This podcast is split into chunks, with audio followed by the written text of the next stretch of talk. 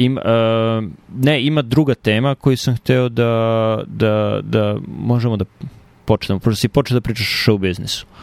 Znači, jedna stvar koju, za koju sam hteo da te prekinem, to je, mislim, komičari u automobilima idu po kafu je okej, okay, ali nema ništa smešnijeg od aliteracije, tako da komičari u kolima idu po kafu je mnogo bolji naziv, tako da ne znam da li je to neko preveo na, na Netflixu, ali to, to treba da bude zvaničan prevod, stojim za tog prevoda.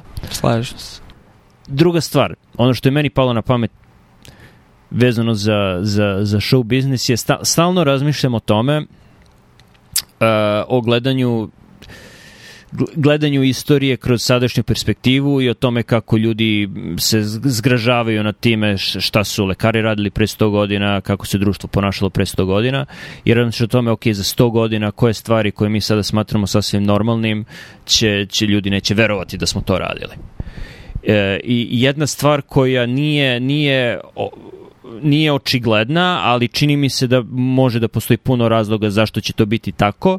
Za 100 godina mislim da će se ljudi zgražavati na time da su postojala deca glumci i da smo koristili decu e, za cilj zabave i u show biznisu.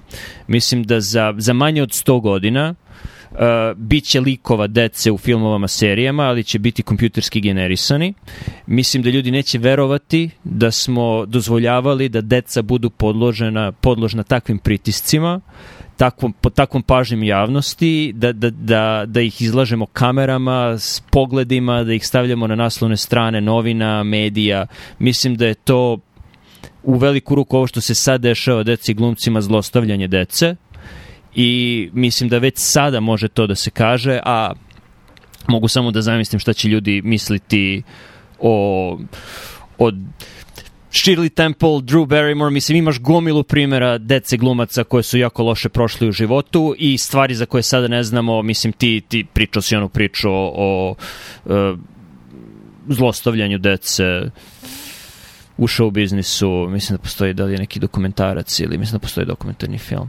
Uh, A, to je bio onaj dokumentarac o Michael Jacksonu, gde su ono, dvoje dečaka koji su sad odrasli ljudi učestvovali u tome, na to misliš? Uh, ne na to. Uh, nije bitno sad. Stavit ću u show notes ako se budem setio. Ili neki YouTube snimak. Ne, nešto je nešto je vezano za to da, da, da postoji dosta zloupotrebe dece u show biznisu sada. No. Mislim, dve stvari.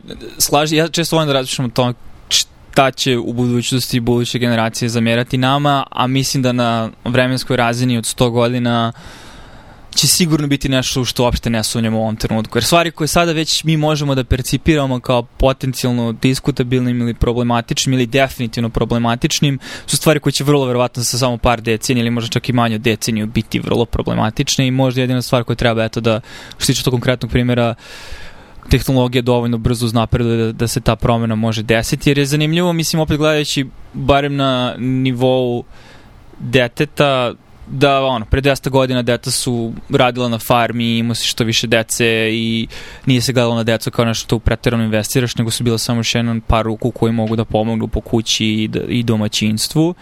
Tako čitav moment um, investiranja više u decu je relativno novotarija postindustrijskog društva, mislim, u zadnjih, posleratnog društva na neki način.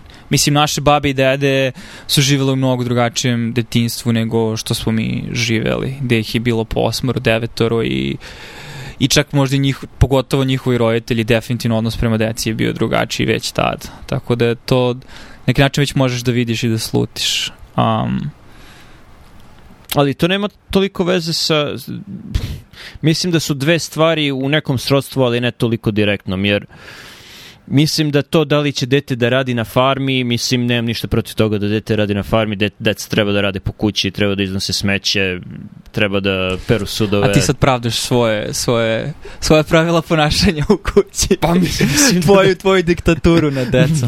nije, nije, nije, nije mislim, diktatura. za pet godina deca će da lupaju šamare roditeljima i, i, i Ne, ali mislim, jedno je to da dete tera ovce na ispašu i, i čisti štalu i šta, šta još deca rade na farmi, ne znam.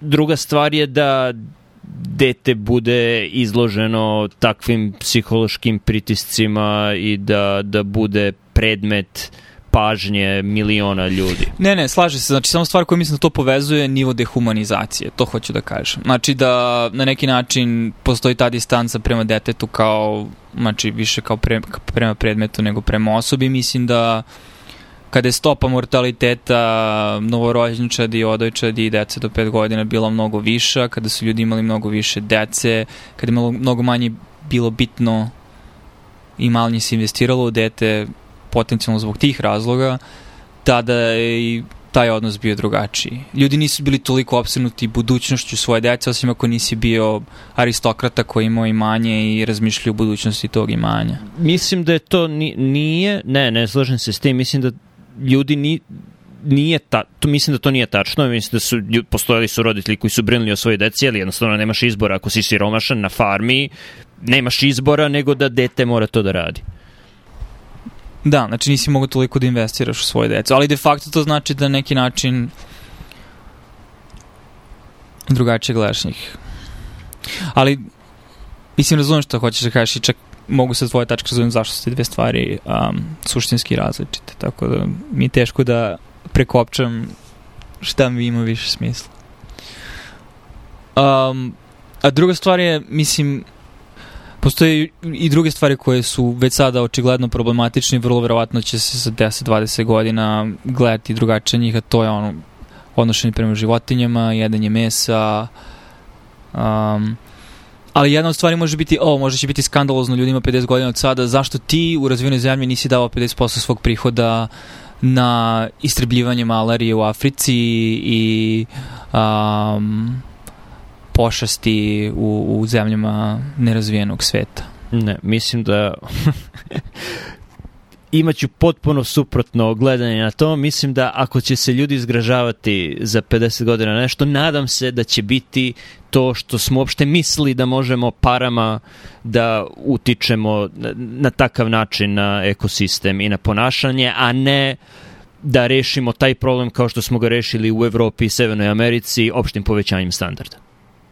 Dakle, mislim da će, ne, neće verovati da, da, smo, da je neko pokušao genetski da modifikuje komarce, kao da, kao da nisu gledali horror filmove iz 60-ih, e, da, da bi sprečili malariju, a nije im palo na pamet da ulažu u ekonomiju tih zemalja kako bi se one same razvile i kako bi oni sami mogli da, da reše te probleme. Mislim da, da, da, da je to mnogo veći problem. Postoji limit toga koliko, koliko god para da, da mislim, mislim da je Bill Gates, da, da je to moglo da se reši, Bill Gates je uložio dovoljno para u istrebljenje malarije, znači nije, pa, pare nisu problem tu. Problem su, pro, problem je to što ne možeš da izabereš jedan problem i sad da kažeš ok, sad ću, sad ću time da se bavim, to ću da rešim, kao da to nije međusobno povezan sistem na koji utiče još gomila stvari. A usput se nađu neke sociopate koje eksploatišu protok novca. Pa da.